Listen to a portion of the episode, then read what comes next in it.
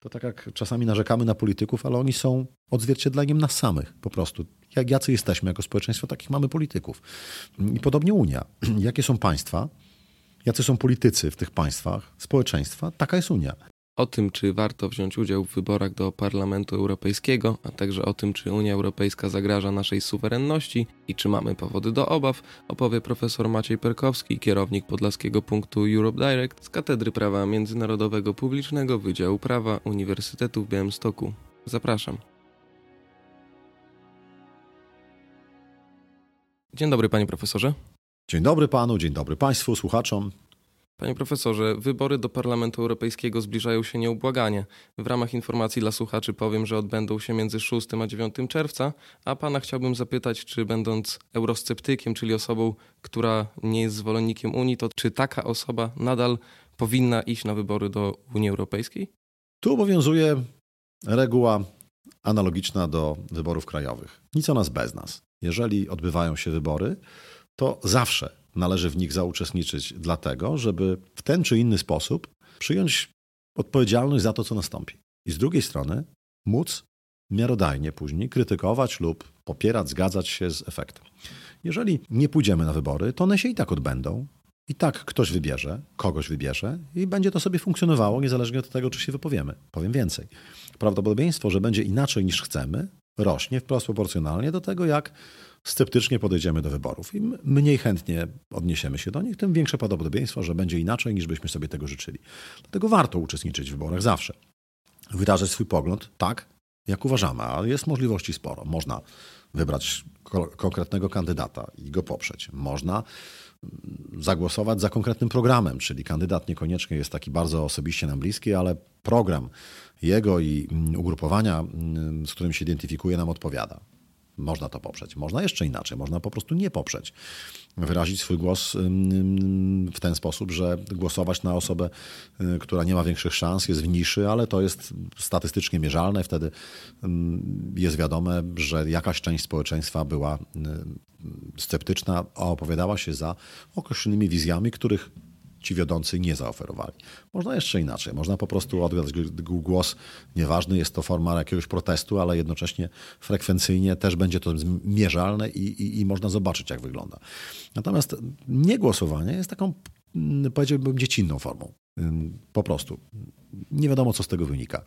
W zasadzie nic. Mało tego, najczęściej pobudki są mm, dość niskie, mianowicie jest to rodzaj lenistwa. No nieprzypadkowo jest to grzech ciężki, jeden z grzechów ciężkich, bo mm, staje się przyczyną i praźródłem rozmaitych innych grzechów i, i przewin.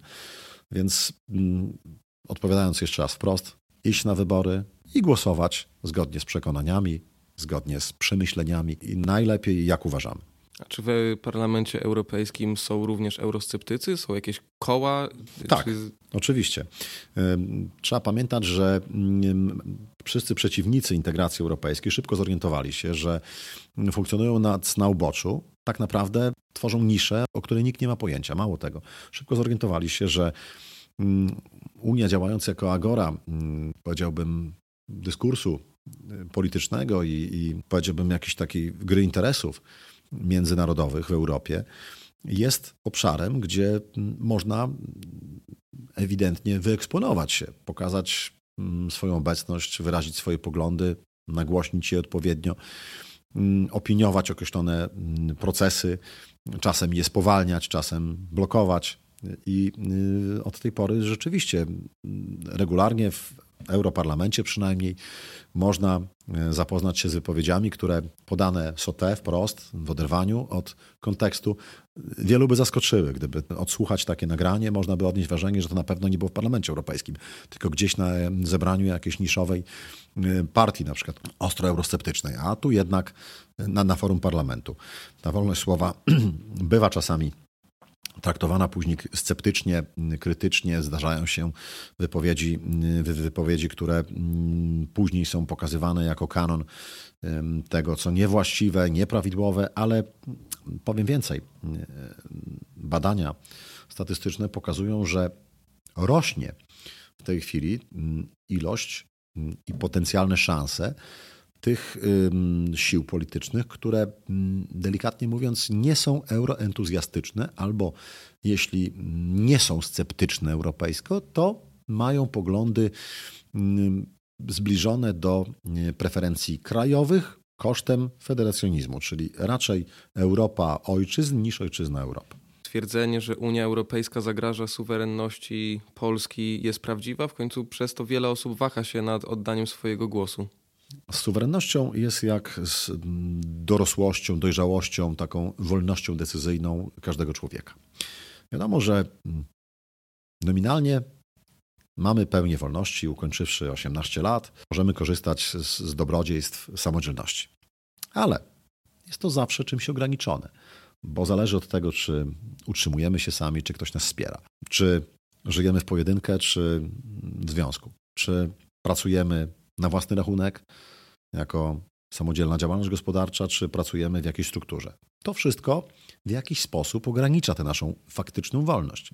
Dobrowolnie godzimy się na to w imię jakichś naszych korzyści, interesów itd. To jest wypadkowa naszej decyzji. No podobnie jest w Unii. Unia nie jest czymś, co nas przybyło i za przeproszeniem zniewoliło. Unia Europejska jest organizacją międzynarodową specyficzną o cechach ponadnarodowych, organizacją, do której my chętnie i dobrowolnie aplikowaliśmy w oparciu o bardzo reprezentatywne mm, decyzje Zgromadzenia Narodowego i referendum społecznego. Zgodziliśmy się na członkostwo. Inne kraje też to zaakceptowały w odpowiednim procesie. W związku z tym nasza obecność tam jest obecnością dobrowolną. Teraz tworzenie prawa unijnego odbywa się też z naszym udziałem. Stale w nim uczestniczymy. Możemy je nawet kształtować, inspirować jako jedno z państw członkowskich przez swoich przedstawicieli, czy nawet oddolnie w formie inicjatyw. I właśnie Ostatecznie jak będzie, zależy od tego, jak się za to zabierzemy. Obserwuję podejście Polski, które jest wprost proporcjonalne do tej naszej dojrzałości, wieku członkostwa. Przechodzimy powoli w dorosłość. Do tej pory funkcjonowaliśmy troszkę nieświadomie, jako takie, taki młodociany członek. Można by powiedzieć, na początku to dziecko, później młodociany członek, nastolatek. Bo głównie skupialiśmy się na tym, że coś popieramy albo czemuś jesteśmy przeciwni. To jest taka postawa dość dziecinna. Tak, nie. Natomiast niewiele było z naszej strony działań inicjatywnych, takich, które budują jakieś pomysły, jakieś koncepcje, szukają poparcia. Takiej działalności kreatywno-operatywnej było niewiele. I powoli się to zmienia, natomiast, jakby to powiedzieć, nie jest łatwo. Dlatego, że trudno się przekonuje tak zróżnicowane gremium, które ma podobne interesy, też chce narzucać innym swoją wizję, swoje racje i tu to wymaga ogromnych umiejętności dyplomatycznych. Mm, to wymaga dobrego, solidnego przygotowania. To wymaga też w gruncie rzeczy gotowości na niepowodzenia, czyli ogromnej pokory. No i właśnie w czasach, gdy w polityce, na całym świecie, nie w Polsce, w ogóle mm, dominuje ta niecierpliwość, mm, skłonności populistyczne, skłonność do rozwiązań siłowych, no to jakby dążenie pozytywistyczne, żeby zbudować swoją pozycję w złożonym, skomplikowanym gremium, rywalizujących ze sobą państw przez współpracę, to nie jest paradoks. Rywalizacja przez współpracę, jak w klastrach biznesowych. Po prostu wszyscy razem tworzymy całość, bo w ten sposób się umacniamy, chociaż wewnątrz ze sobą rywalizujemy, ale tak, żeby nie zrobić sobie krzywdy, a podciągać siebie wzajemnie. No i w praktyce tak powinno być, a bywa różnie państwa często i gęsto sądują się wzajemnie swoją wytrzymałość. Nie należy się dziwić, że jedno państwo próbuje zdominować inne, jakby to powiedzieć, swoją gospodarkę wywindować kosztem innych gospodarek. To jest naturalne. Należy w sposób spokojny, umiejętnie temu przeciwdziałać, niekoniecznie skupiając się na krytyce, ale raczej na oferowaniu czegoś, co będzie lepsze. Po prostu. Obserwowałem swego czasu zmagania Inpostu z Pocztą Polską. No i te zmagania oparte na sporze Nikomu na, na dobre nie wyszły, ale mądre wnioski z tego wyciągnął Inpost, a nie poczta. Bo Inpost po tej przepychance z kopertami, z doklejaną blaszką i tak dalej, poszedł zupełnie inną stronę, w innowacje. Paczkomaty jako urządzenia po prostu zdominowały wyobraźnię o dostarczaniu przesyłek. Teraz nawet klasyczny kurier jest gorszą opcją niż paczkomat. Natomiast Poczta Polska, chociaż ma wszelkie atuty, które mogłaby wykorzystywać w ten sposób, że stworzyć nie paczkomaty, tylko skrzynki. Po prostu w kształcie skrzynki. Pięknie, na ciemno-czerwono pomalowane, złożone z niewielkich skrzynek, skrytek i tak dalej. To byłoby i estetyczne, i ładne, mogłoby stać w różnych częściach miasta. Tradycja poczty do tego i tak dalej. Ale z jakichś powodów poczta tego nie zrobiła i na razie nie robi. Idzie w zupełnie taką dziwną stronę. Natomiast Inpost poszedł w tą stronę i poszedł w świat. Dobre pomysły sprzedaje dalej i rozwija się kapitalnie. Właśnie chcę powiedzieć, że w przypadku Unii należy myśleć jak Inpost, czyli nie obrażać się, nie wykłócać się, nie oczekiwać, że będzie się docenionym, pogłaskanym, kochanym i tak dalej. A jeśli ktoś nas próbuje oszukać, to jest to wróg śmiertelny? Nie. Trzeba liczyć się z tym, że no, trwa rywalizacja. To jest rywalizacja elegancko, gdzie się wszyscy ładnie uśmiechamy, ale cały czas rywalizujemy, nieustannie. Zachowując pewne reguły jak na polu golfowym, staramy się uprzejmie, uśmiechając się do siebie, wygrać tę grę. I mm, że nie jest to łatwe. No nie jest. Członkostwo w Unii wymaga tego, żeby wszystko solidnie przygotowywać, opierać to nie na improwizacji i pochopności i życzeniowej myśli, wishful thinking, myślenie życzeniowe, tylko na bardzo gruntownych analizach i jednocześnie wyprzedzać konkurencję. Ale jak? Incepcyjnie, w taki sposób, żeby konkurencja miała wrażenie, że sama coś wymyśla, a to są nasze pomysły, które im podsuwamy. Powinniśmy być krok, krok do przodu. Im jesteśmy mniejsi i rozmawiamy z silniejszym partnerem, tym więcej właśnie incepcją, a mniej siłą, bo wiadomo, że siła w stosunku do silniejszego to jest zły argument. W stosunku do silniejszego musi być spryt, musi być inteligencja, musi być fortel. Natomiast w stosunku do słabszych wspaniałomyślność, a nie dominacja, życzliwość, ale jednocześnie, no cóż, korzyści. Muszą czuć, że opłaci im się współpraca z nami i wtedy dopiero będziemy tym europejskim graczem odpowiedniej wagi. Nie pozorna gra, czyli ona nie jest mierzana, skuteczność mm, danego kraju w Unii nie, nie powinna być mierzona, mm, powiedziałbym, stanowiskami, czyli czy piastujemy jakieś eksponowane funkcje, tylko raczej znaczeniem danego kraju i realizacją jego myśli koncepcyjnych, mm, projektów flagowych, koncepcji legislacyjnych, a nie innych. To by było piękne, gdybyśmy właśnie swoje fajne pomysły wdrażali szeroko, w skali całej Unii. Żebyśmy umieli walczyć o swoje w taki sposób, że nie czekamy, aż nas ktoś zawezwie do Trybunału i będziemy tam się bronić bohatersko, tylko uprzedzimy ruchy. Chcemy coś przygotować, to, to nie wdrażajmy to najpierw sami, tylko zaproponujmy to na poziomie całej Unii i wtedy nasze działanie w kraju będzie odbierane jako działanie w dobrej wierze. A przy okazji, kto wie, a może się przyjmie jeżeli znajdziemy odpowiednie poparcie. Z, z tą suwerennością. Suwerenność jest pewnego rodzaju ideałem. Umówmy się tak w takiej postaci klasycznej, czystej, jakiej uczy się na zajęciach, mm, powiedzmy z teorii prawa i tak dalej, ona nigdy nie istnieje. Powiem więcej, w dobie narastającej współpracy, mm, globalizacji, znaczenia organizacji międzynarodowych coraz większego, klasyczna suwerenność podlega takim faktycznym ograniczeniom, faktycznym mówię, bo prawnie ona nigdy nie jest ograniczona, ona zawsze jest pełna. Natomiast faktycznie państwo, powierzając kompetencje władzy swojej w określonych sprawach, organizacji międzynarodowej na przykład, no to faktycznie powoduje, że korzystanie z suwerenności jest jakby kompetencyjnie troszeczkę ograniczone na własne życzenie. Tak jak pan redaktor tu obecny, prawda, wpadnie pan kiedyś na pomysł, że się pan ożeni, załóżmy. No i wiadomo, że jeśli się już pan ożeni, to być może małżonka zabroni panu pójść na przykład na powiedzmy jakieś przechadzki y, koleżeńskie y, wieczorem do miasta. I mm, jeśli zrobi to w taki sposób, że pan dobrowolnie powie, fajnie, tak, zostanę z tobą, bo, mm, bo to mi się uśmiecha, to będzie to idealne. Ale może też być tak, że po prostu zrobi tak zwanego focha, powie, obrażam się na ciebie, jeśli, jeśli pójdziesz. No i pan skrzywi się, powie no, do kolegów, słuchajcie, sorry, nie idę, bo nie dostałem pozwolenia. Ale ostatecznie pan zostanie. No to jest właśnie to ograniczenie, które pan przyjął na siebie w ten sposób, że mm, zawarł pan związek małżeński. Przyjął pan z dobrodziejstwem inwentarza wszystkie konsekwencje mm, tegoż procesu. Podobnie jest w Unii. Członkostwo w Unii wiąże się z tym, że ograniczamy określone możliwości, wiążemy się wobec innych państw członkowskich Unii i samej Unii określonymi nakazami czy zakazami i w konsekwencji później niektórych rzeczy nam po prostu nie wolno a inne rzeczy musimy. Unia jest też proces, procesem dynamicznym, czyli tam się wiele rzeczy zmienia. Wchodząc, nie godziliśmy się na coś, co się w tej chwili tworzy, prawda? Dzieje. I czy, to, czy to znaczy, że wolno nam się przeciwstawić? Na etapie tworzenia tak, ale jeśli w którymś momencie już przyjmą się te reguły jako prawo, to już nie. Pewnym problemem może być mm, działalność Trybunału Sprawiedliwości Unii Europejskiej, bo ten Trybunał stoi na szczycie, można powiedzieć, hierarchii prawnej. Już wyżej nic nie ma. W związku z tym ten Trybunał czasami stosuje aktywizm i mówiąc krótko, interpretując prawo unijne, czasami tworzy, można powiedzieć, takie rozstrzygnięcia, ustalenia, które nie wynikają literalnie wprost z przepisów unijnego prawa, czyli nie znajdziemy tego spisanego w traktatach. Trybunał to ujawnia jakoby.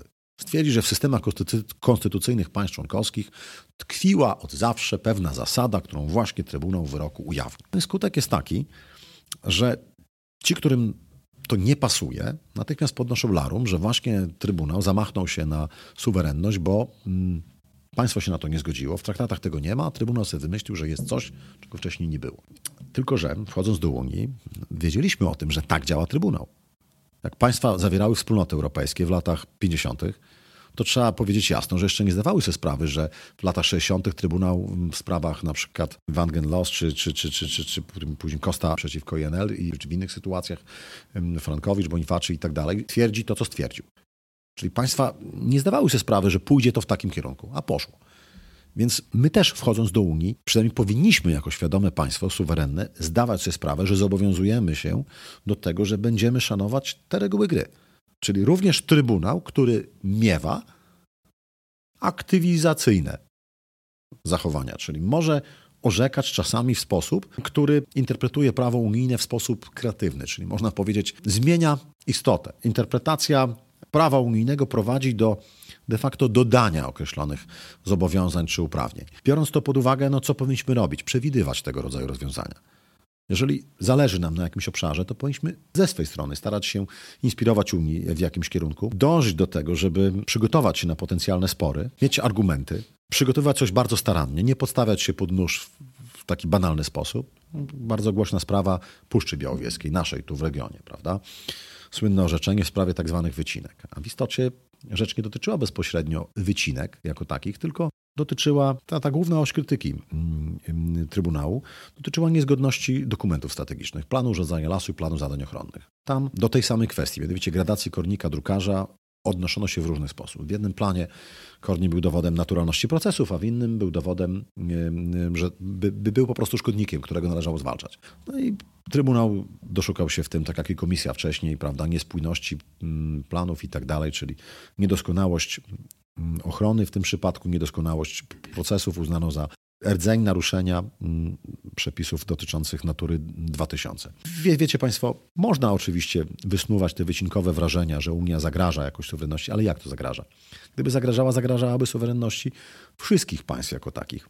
Po prostu jej ewolucja może nie do końca odzwierciedlać poglądy przynajmniej części polskiego społeczeństwa. Jej ewolucja może nie do końca być po naszej myśli, ale zamiast stawiać się sceptyczno-krytycznie i obrażać, to trzeba na etapie tej ewolucji włączać się i zgłaszać swoje pomysły, postulaty, uwagi i tak rozmaite zabezpieczenia, dążyć do tego, żeby ta ewolucja przebiegała w możliwie propolski sposób. Odcinek o Unii Europejskiej pojawi się w niedalekim czasie na tym kanale z gościnnym udziałem magistra Zonia. A ja dla osób, które dalej się wahają z oddaniem głosu, chciałbym powiedzieć, że Unia Europejska, pomimo wszystkich swoich wad, które ja dostrzegam, jest raczej ogromną szansą. A z uwagi na to, że jest pan kierownikiem Europe Direct, myślę, że pan może najbardziej w porządny sposób powiedzieć nam, jak Unia zmieniła się na przestrzeni ostatnich lat? U, tru, trudne pytanie, ale dziękuję za nie. Mm, Unia Europejska zmienia się wielopłaszczyznowo, bo ona jak wszystko jest mm, pewnego rodzaju wypadkową odzwierciedleniem rzeczywistości. To tak jak czasami narzekamy na polityków, ale oni są odzwierciedleniem nas samych po prostu. Jak jacy jesteśmy jako społeczeństwo, takich mamy polityków. I podobnie Unia. Jakie są państwa, jacy są politycy w tych państwach, społeczeństwa, taka jest Unia. Jak się ona zmienia? Nie przeceniajmy jej. Ona jest strukturą biurokratyczną, czyli można powiedzieć, że niezmienne jest to, że są to instytucje, urzędnicy, procedury, pieniądze zamknięte w ramy funduszy i tak dalej. To jest stałe. Natomiast co się zmienia? Zmieniają się idee przewodnie i mm, gdy wchodziliśmy do Unii, y, nasz euroentuzjazm był powiązany z tym, że mm, w Unii było dość silne przywództwo, czyli mm, rzucali się w oczy charyzmatyczni politycy, którzy potrafili skupiać uwagę i pociągać y, za sobą. Że wymienię tutaj mm, takie postaci, które przewijały się gdzieś tam w obszarze wspólnot europejskich, Unii Europejskiej, jak Tony Blair, Helmut Kohl, prawda, Jacques Chirac, takie postaci wyraziste. Ludzie, którzy, mm, jakby to powiedzieć, podobali się mniej lub więcej, ale one były mm, wyraźne. To były takie postaci przywódcze, których przywództwa nikt nie kwestionował. I przywództwo było tym ułatwieniem, że ludzie podążali za przywódcą, nie zajmując się za mocno szczegółami. Jeśli przywódca mówił, że tak jest, no to miał zawsze jakieś spore poparcie i ciągnął społeczeństwo za sobą i, i tak to się działo. Kolejna sprawa. Pojawiały się obiektywne, jakby to być procesy, które przynosiły obopólne korzyści, czyli te wielkie rozszerzenie zwane Big Bang z wejściem Polski i innych krajów, wtedy cała dziesiątka, takie szerokie rozszerzenie, co przyniosło? Dla krajów ówczesnej, wcześniejszej Unii, przyniosło ożywienie gospodarcze, bo to nowe rynki się otworzyły, nowe możliwości, inwestycje i tak dalej. A dla nowych krajów nowe szanse, bo Unia to znowu nowe rynki, nowi inwestorzy i tak dalej, i tak dalej. No i biorąc to wszystko pod uwagę, samo to już tak mocno angażowało uwagę, że niewiele miejsca było na sceptycyzmy. Sceptycyzmy pełniły rolę taką statystyczną na uboczu, takiego trochę folkloru towarzyszącego. Natomiast w miarę krzepnięcia i takiego oswajania się, przyzwyczajania się, bo do każdej wygody można się przyzwyczaić, do tego, co Unia oferuje, nastąpiło takie przeobrażenie. Unia na naszych oczach z takiej atrakcyjnie wyglądającej perspektywy zaczęła się przeobrażać w taką, powiedziałbym, codzienność. Niekoniecznie w pozytywnym wymiarze. Towarzyszył temu kryzys przywództwa, czyli miejsce charyzmatycznych, m, takich wyrazistych polityków zaczęli zajmować politycy niewyraźni, tacy wypośrodkowani, którzy mieli pasować, ale tak akceptacyjnie, możliwie szerokim gremiom, ale nie mieli swojego przekazu. To oni się dostrajali do przekazów, które wynikały z sondaży, czyli to, były, to było takie przeobrażenie. Politycy samoistni zostali zastąpieni przez polityków sondażowych. No i pomimo, że Sondażowo oni teoretycznie podobali się wszystkim, to w praktyce okazywało się, że nie budzili zaufania przywódczego. Natomiast Unię zaczęto postrzegać coraz częściej jako taką bogatą ciotkę. Na zasadzie, no dobra, każdy chce tego spadku, każdy chce pokosztować mm, fruktów, ale do końca jej nie lubimy i do końca mm, jej nie poważamy. I już takim mm, ekstremalnym przypadkiem są sytuacje, w której głównie chce się pieniędzy. Unia się kojarzy z pieniędzmi, z niczym więcej. Natomiast z czego to po części wynikło? Z tego, że pamiętajmy, Unia to my. Jeżeli my nie będziemy wnosić fajnych pomysłów na forum Unii i każdy tak pomyśli, wszystkie państwa członkowskie, to po prostu fajnych pomysłów nie będzie. Będą tylko pomysły reaktywne, czyli odnoszenie się do jakichś kwestii. I teraz jak nie wniesiemy pomysłów, to obszar agory europejskiej zagospodaruje ktoś, kto te pomysły wniesie. Jakie to pomysły? Powiedzmy, Polska dużo mówiła o bezpieczeństwie energetycznym, ale nie wnosiła tego w odpowiedniej, atrakcyjnej postaci na forum unijne. Myśmy już na etapie wstępnym, tylko dlatego, że ktoś był przeciw, miał inne zdanie, myśmy się od razu bunkrowali, obrażali. W takim razie nie będziemy rozmawiać, sami sobie to zrobimy. Chyba błąd. Bo na dzień dzisiejszy słychać już głosy, że Polacy mieli rację w zakresie bezpieczeństwa energetycznego na tle postawy Rosji i tak dalej. A my nawet teraz nie do końca, mm, jakby to powiedzieć, umiemy to spożytkować. Parę innych koncepcji polskich. W międzyczasie, powiedzmy, wyskoczył Zielony Ład. Czy nam się to podoba, czy nie, nośna idea. Ona jest podwiązana pod mm, szeroko pojętą ochronę klimatu. Czy to słuszne, czy niesłuszne? Ciężko to ocenić z perspektywy roku 20. To prawdopodobnie ktoś kiedyś, dopiero z perspektywy historycznej, oceni, czy poglądy były sensowne, czy nie. Sceptycy mówią, że mm, zmiany klimatu są cykliczne co jakiś czas i my akurat żyjemy w takim cyklu, jakim żyjemy, a mm, bezczelność człowieka polega na tym, że myśli, że sobie z tym poradzi a powinien pokornie to przyjąć. Ale mądrzy ludzie mówią, że nigdy nie było takiej aktywności człowieka, tak ingerującej w środowisko, tak przegrzewającej to środowisko jak teraz. I wpływ jest zauważalny również po przyspieszeniach, czyli wprost proporcjonalnie do przyrostu tego grzania, czyli wydzielania energii cieplnej, następowały zmiany klimatu. I ta korelacja jest nieprzypadkowa, twierdzą zwolennicy tej teorii właśnie zmiany klimatu zawinionej przez człowieka. W związku z tym pojawia się cały, cały nurt zabezpieczenia, ochrony klimatu, ten cały pakt klimatyczny. No i w Unii Europejskiej postanowiono to zamienić na mm, tak zwany nowy Zielony Ład. No i teraz co można z tym zrobić?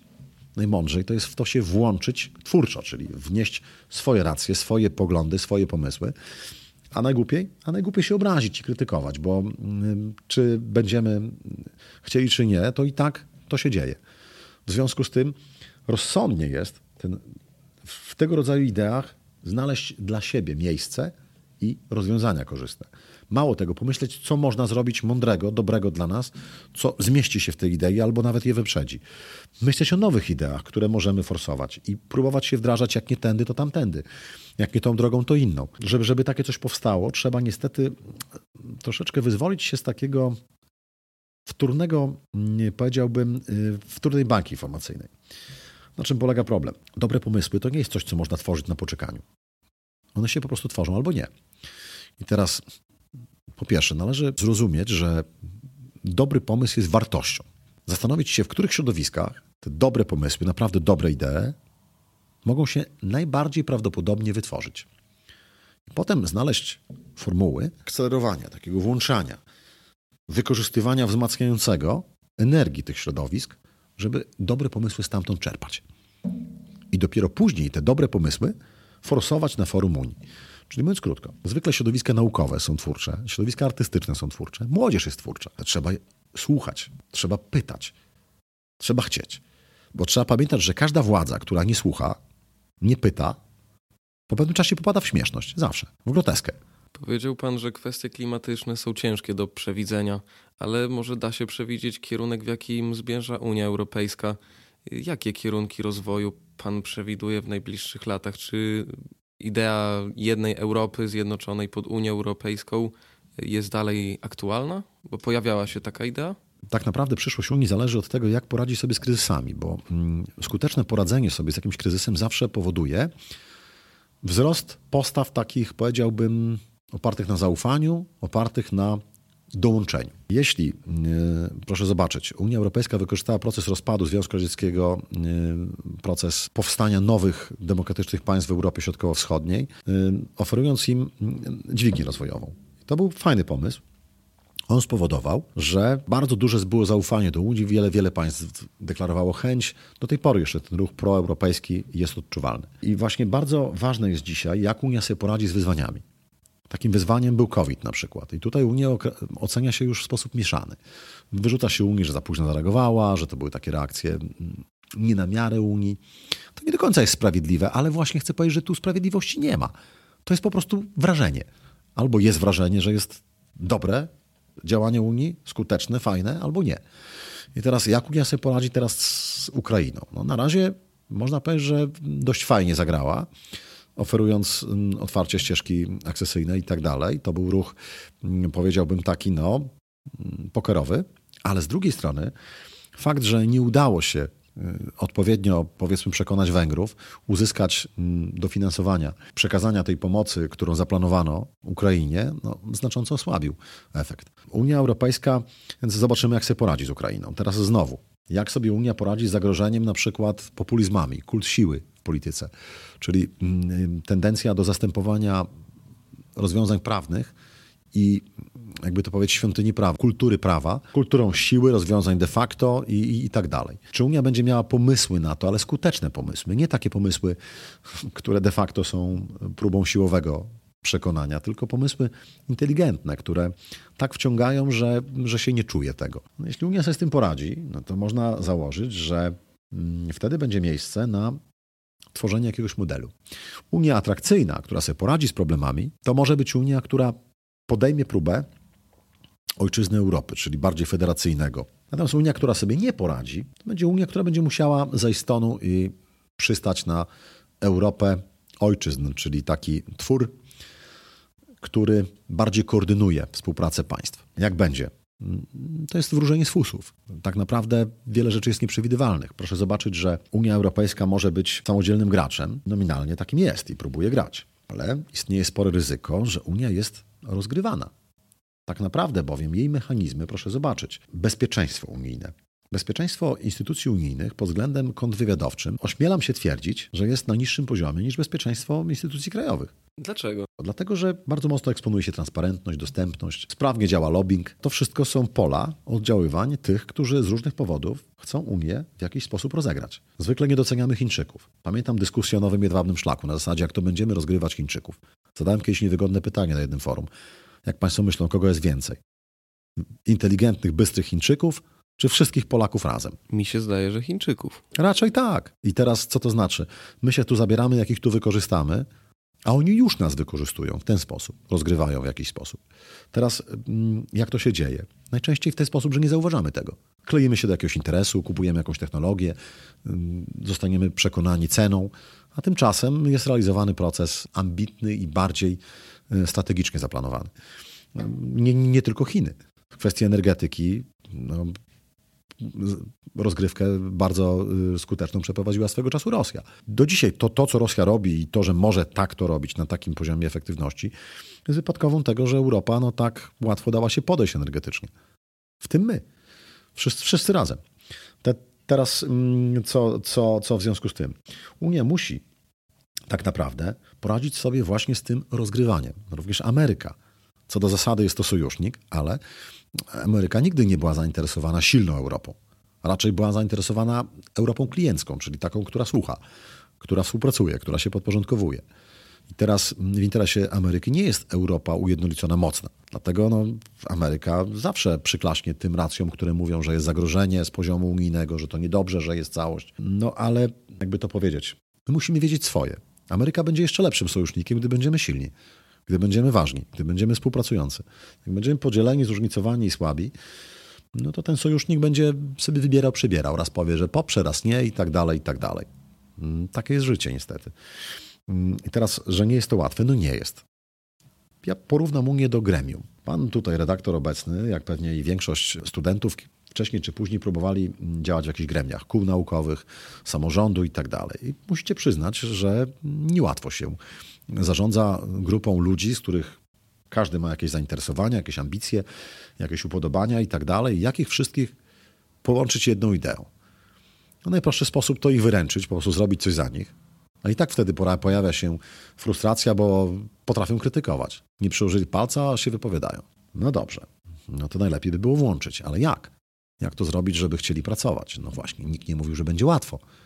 I teraz aktywność w takim gremium przynosi korzyści wprost proporcjonalne do zaangażowania i do pomysłu, mm, pomysłów, do kreatywności.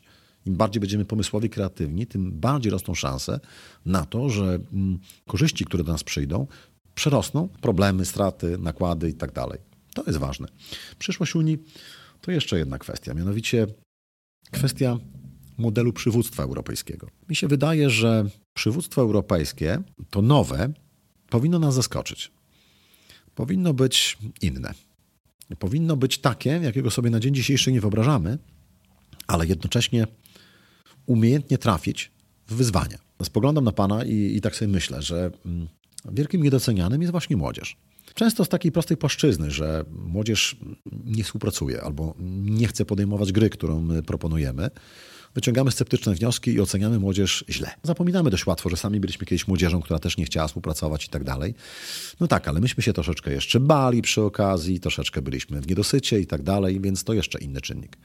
Dzisiejsza młodzież nie jest łatwa, trudna, ale z dzisiejszą młodzieżą trzeba inaczej rozmawiać. Na forum na przykład m, takich spotkań sieci Europe Direct zawsze podkreślałem i w stosunku do Komisji Europejskiej także przy różnych okazjach i moi współpracownicy z ED także podkreślali potrzebę badania młodzieży, ale inteligentnego badania. Co młodzież boli? Czego się młodzież boi? Na co młodzież liczy? Mm, czego potrzebuje? Dlaczego? Bo jeśli nie zrozumiemy młodzieży, nigdy nie zapewnimy ciągłości, sukcesji. Nie będzie procesu stabilizacji, nie będzie inwestowania w kapitał ludzki. Nie jest to łatwe, ale konieczne. Chcąc tworzyć strategię dla Europy, to musi być strategia, która uwzględni właśnie młodzież dzisiejszą jako przyszłych dorosłych Europejczyków. Przygotuje ich, dostarczy im odpowiednich narzędzi po drodze, ukształtuje ich odpowiednio.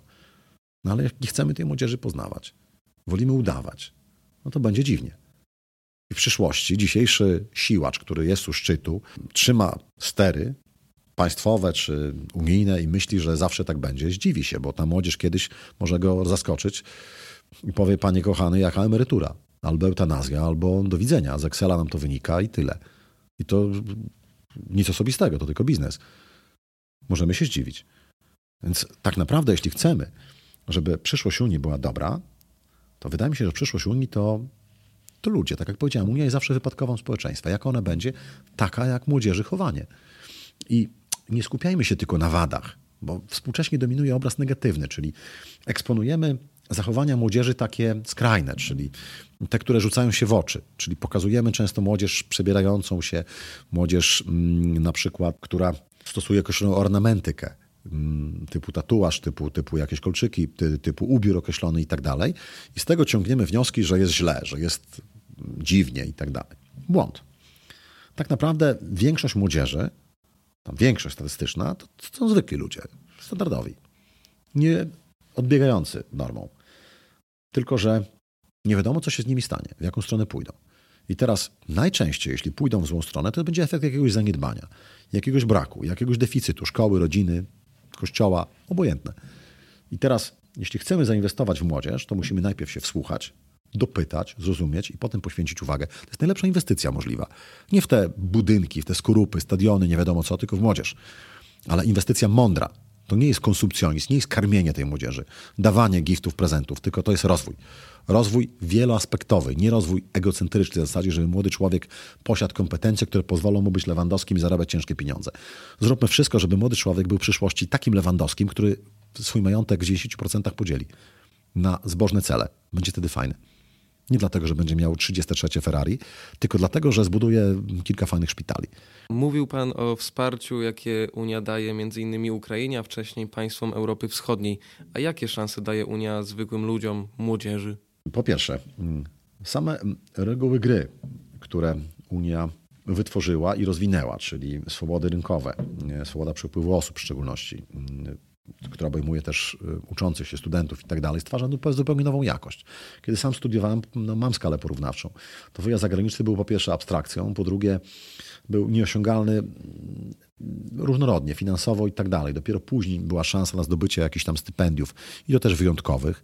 Proces aplikowania żmudny i długi. Mm, te, te warunki pobytowe takie, mm, powiedziałbym, bardzo trudne, w tym sensie, że trzeba było się na miejscu zaadoptować na, własne, na własny rachunek, po swojemu i tak dalej. Natomiast to, co Unia wytworzyła jako regułę, programy rozmaite typu Erasmus i tak dalej, to stwarza zupełnie inną perspektywę. Macie ogromne możliwości poznawcze, których wcześniej nie było. Druga sprawa. Możliwość rozwoju zawodowego i tak dalej. Możliwość wymiany doświadczeń rozmaitych. To jest nie do przecenienia. To, że ta przestrzeń jest dostępna, że może pan jutro być w Rzymie albo w, Londy w Londynie, to teraz już trudniej, ale, ale, ale powiedzmy w Paryżu, w Madrycie i tak dalej. Kwestia powiedzmy znalezienia biletu, wylotu i tak dalej. To, że kolejna sprawa, ten przepływ kapitałów, przepływ usług i, i tak dalej powoduje, że gospodarka się mocno kręci. Jesteśmy zasobniejsi, co tu dużo mówić. Na więcej nas stać, warunki życiowe są lepsze. Oczywiście sceptycy zawsze narzekają, ale gołym okiem widać, że jest lepiej, jest więcej wszystkiego. Co dalej? Unia Europejska sama w sobie może być też miejscem realizacji kariery zawodowej. To jest stosunkowo mm, wygodny pracodawca. Dalej, mm, jest to też podmiot, który mm, akceleruje różne fajne pomysły. Tu przed chwilą y, odbywało się seminarium doktorskie i jeden z doktorantów, którego pan poznał, przygotowuje pracę na temat, krótko mówiąc, prawa ży żywnościowego analizuje, na ile prawo unijne wpływa pozytywnie bądź negatywnie na e, rozprzestrzenianie się chorób niezakaźnych, takich jak cukrzyca, insulinoodporność, otyłość itd. Tak no i właśnie w tym obszarze warte odnotowania są pewne pozytywne poczynania Unii. Na przykład import amerykańskiej wołowiny na mm, rynek europejski Unia właśnie mm, ucywilizowała, bo Amerykanie chcieli za wszelką cenę mm, sprzedawać tu wołowinę no, hodowaną na hormonie wzrostu czyli takie bydło, które dorasta niczym kurczaki, te, te, te, te przemysłowe, szybko, gwałtownie. No a to się wiąże z rozmaitymi zagrożeniami i tak dalej. Europa tutaj skutecznie zaprotestowała, mimo że Amerykanie poszli ostro na wojnę w tym zakresie, prawda, wspór mieści do organizacji międzynarodowych i tak dalej, ale koniec końców stanęło na europejskim. Amerykanie produkują wołowinę dla siebie na hormonie wzrostu i dla rynku unijnego bez hormonu wzrostu. Można, można. Więc Unia Europejska jest też forum, które można fajnie wykorzystać. Tylko trzeba chcieć. To wymagałoby, żeby mm, widzieć sens właśnie w tej aktywizacji. Pamiętam kiedyś pewien kolega przyszedł do mnie po pomoc. Mówi tak, że moja córka upatrzyła sobie, jaka taka niezła licealistka, perspektywy kariery. Ona chce mieszkać w Brukseli, tam studiować i chce działać na rzecz mm, pozytywnego lobbingu, na rzecz pomocy rozwojowej dla biednych regionów świata, tam w jakiejś agencji unijnej znalazła praktyki i tak dalej, i tak dalej. Ja mówię, to świetnie. Mówi, no gdzie? Słuchaj, ja bym wolał, żeby ona tu w Białymstoku, prawda, na uczelni pracowała albo się gdzieś zatrudniła i tak dalej. Tam pojedzie, po co i tak dalej. No ale koniec końców dziewczyna ambitna postawiła na swoim, poszła swoją drogą i po jakimś czasie spotykam tego kolegę i on jest zadowolony, mówi, bo jest dumny z tego, co ona wyprawia. Robi fajne rzeczy na świecie. Już nie żyje tą pomocą humanitarną, pomocą rozwojową, ale doświadczenia tam nabyte wykorzystała z powodzeniem w innych obszarach i tak dalej. Właśnie te możliwości, które się pojawiają, które dla was nie jawią się jako coś nadzwyczajnego, one nie są oczywiste. Poza Unią to nie jest tak, że to leży i jest. Obywatele państw trochę na wschód mogą sobie pomarzyć o takich procesach. Jeśli chcą, to muszą sposobem. Te wszystkie rzeczy, które oni muszą, dla nas by były uciążliwe już dzisiaj. Patrzylibyśmy na, na to jako na opresyjne wymogi. Przyzwyczailiśmy się do wolności w tym zakresie, do swobody podróżowania, do możliwości mm, powiedzmy do, dowolnego mm, kupowania, sprzedawania i tak dalej. To jest nie do przecenienia. Co jeszcze? Chciałem też powiedzieć, że Unia nas zmusza do ciągłego rozwoju, bo ilekroć zaśpimy, to inni nas oszukują, można by powiedzieć, tam jakoś rozgrywają. I, I teraz to wymaga od nas ciągłej dobrej kondycji. Więc w dużym uproszczeniu nie da się funkcjonować w polityce na przykład krajowej rządzącym, którzy źle rządzą, mówiąc krótko, słabym, bo zostaną bardzo szybko rozegrani. W związku z tym cały czas muszą się starać. Lepiej lub gorzej. Ale muszą się starać. W, w Unii nie można spać. To jest taki rodzaj klastra, można powiedzieć, prawda? Klastra geopolitycznego. Państwa ze sobą współpracują, żeby na zewnątrz być silniejsi razem, ale jednocześnie cały czas rywalizują, bo ten zasób, który jest w obrębie Unii, jest do przejęcia. Można powiedzieć, że te pieniądze, kapitały, ludzie się przemieszczają. I teraz w interesie danej gospodarki jest, żeby możliwie najlepszy kapitał ludzki był w danym kraju, możliwie najwięcej kapitału finansowego było w danym kraju i możliwie najwyższe jakości usługi były w danym kraju i usługi z tego kraju, towary z tego kraju i tak dalej były przedmiotem pożądania w innych krajach. Tak w dużym uproszczeniu. I teraz, żeby to osiągnąć, trzeba się starać. Cały czas pracować, rozwijać, doskonalić. Nie konsumpcjonizm, nie przejadanie, nie powiedziałbym pozorność szkoleń i tak dalej, tylko dosłownie. Chcemy być lepsi. I tak jak powiedziałem o tym impoście, prawda, który wymyślił paczkomaty i tak dalej. I, i je skutecznie wdraża w innych krajach. No, tego rodzaju pomysły.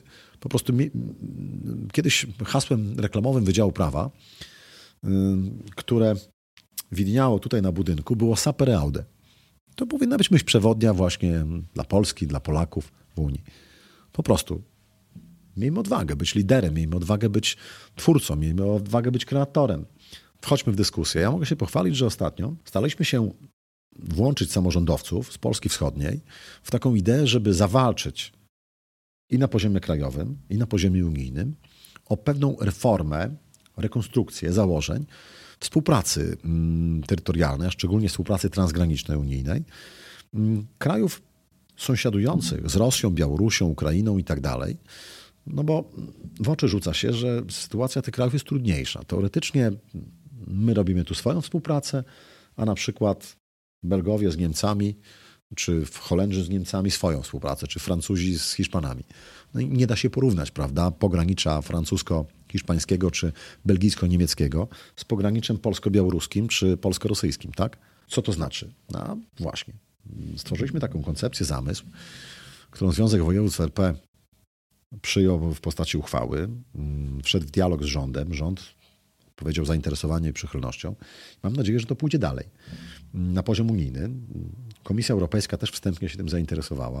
Komisja Europejska też się wstępnie tym zainteresowała, albowiem pomysł ten zakłada, aby regiony europejskie graniczące z Rosją, Białorusią, Ukrainą i tak dalej, traktować jako regiony peryferyjne, regiony w trudnym położeniu, regiony przyfrontowe, y, którym warto zaoferować pomoc, warto zaoferować specjalne wsparcie, dedykowane programy, aby, mm, mówiąc krótko, przyjąć, że nie tylko wskaźnik ten podstawowy jest kluczowy, ten dotychczasowy, tylko potraktować to jako rzecz zupełnie nową, której wcześniej nie było. No i mm, próbujemy o to zabiegać. Wstępnie pamiętam, że w tworzeniu tej aktualnej perspektywy to się jakoś nie mm, mogło zakotwiczyć, bo się wszyscy śpieszyli pochopnie i, i takie odpowiedzi na odczepnego typu, że mm, no jak nie z Białorusią, to z Ukrainą sobie powspółpracujecie. No, to nie takie proste. Trzeba pamiętać, że samorządy z Podlasia, gdyby chciały teraz nawiązać nowe stosunki z Ukrainą, to jest trudniej, dlatego że Ukraina, co tu dużo mówić, jest ogarnięta wojną jeszcze utrzymując stare, powiedzmy, y, kontakty, to jest to względnie łatwe. Dlatego, że mm, powiedzmy tam lubelskie czy podkarpackie zawsze z nimi współpracowało, w związku z tym można to kontynuować i robić to dalej. Ale nowe kontakty za bardzo teraz nie ma warunków na odwiedzanie się wzajemne i tak dalej. Jest to utrudnione. Więc siłą rzeczy jest to do pewnego stopnia czysto nominalne. Jeszcze w dużych kwestiach ostatnio sukcesem zakończyły się właśnie działania w takich luszczanych projektach województwa podlaskiego, e, warmińsko-mazurskiego, e, lubelskiego i podkarpackiego w zakresie szpitalnictwa.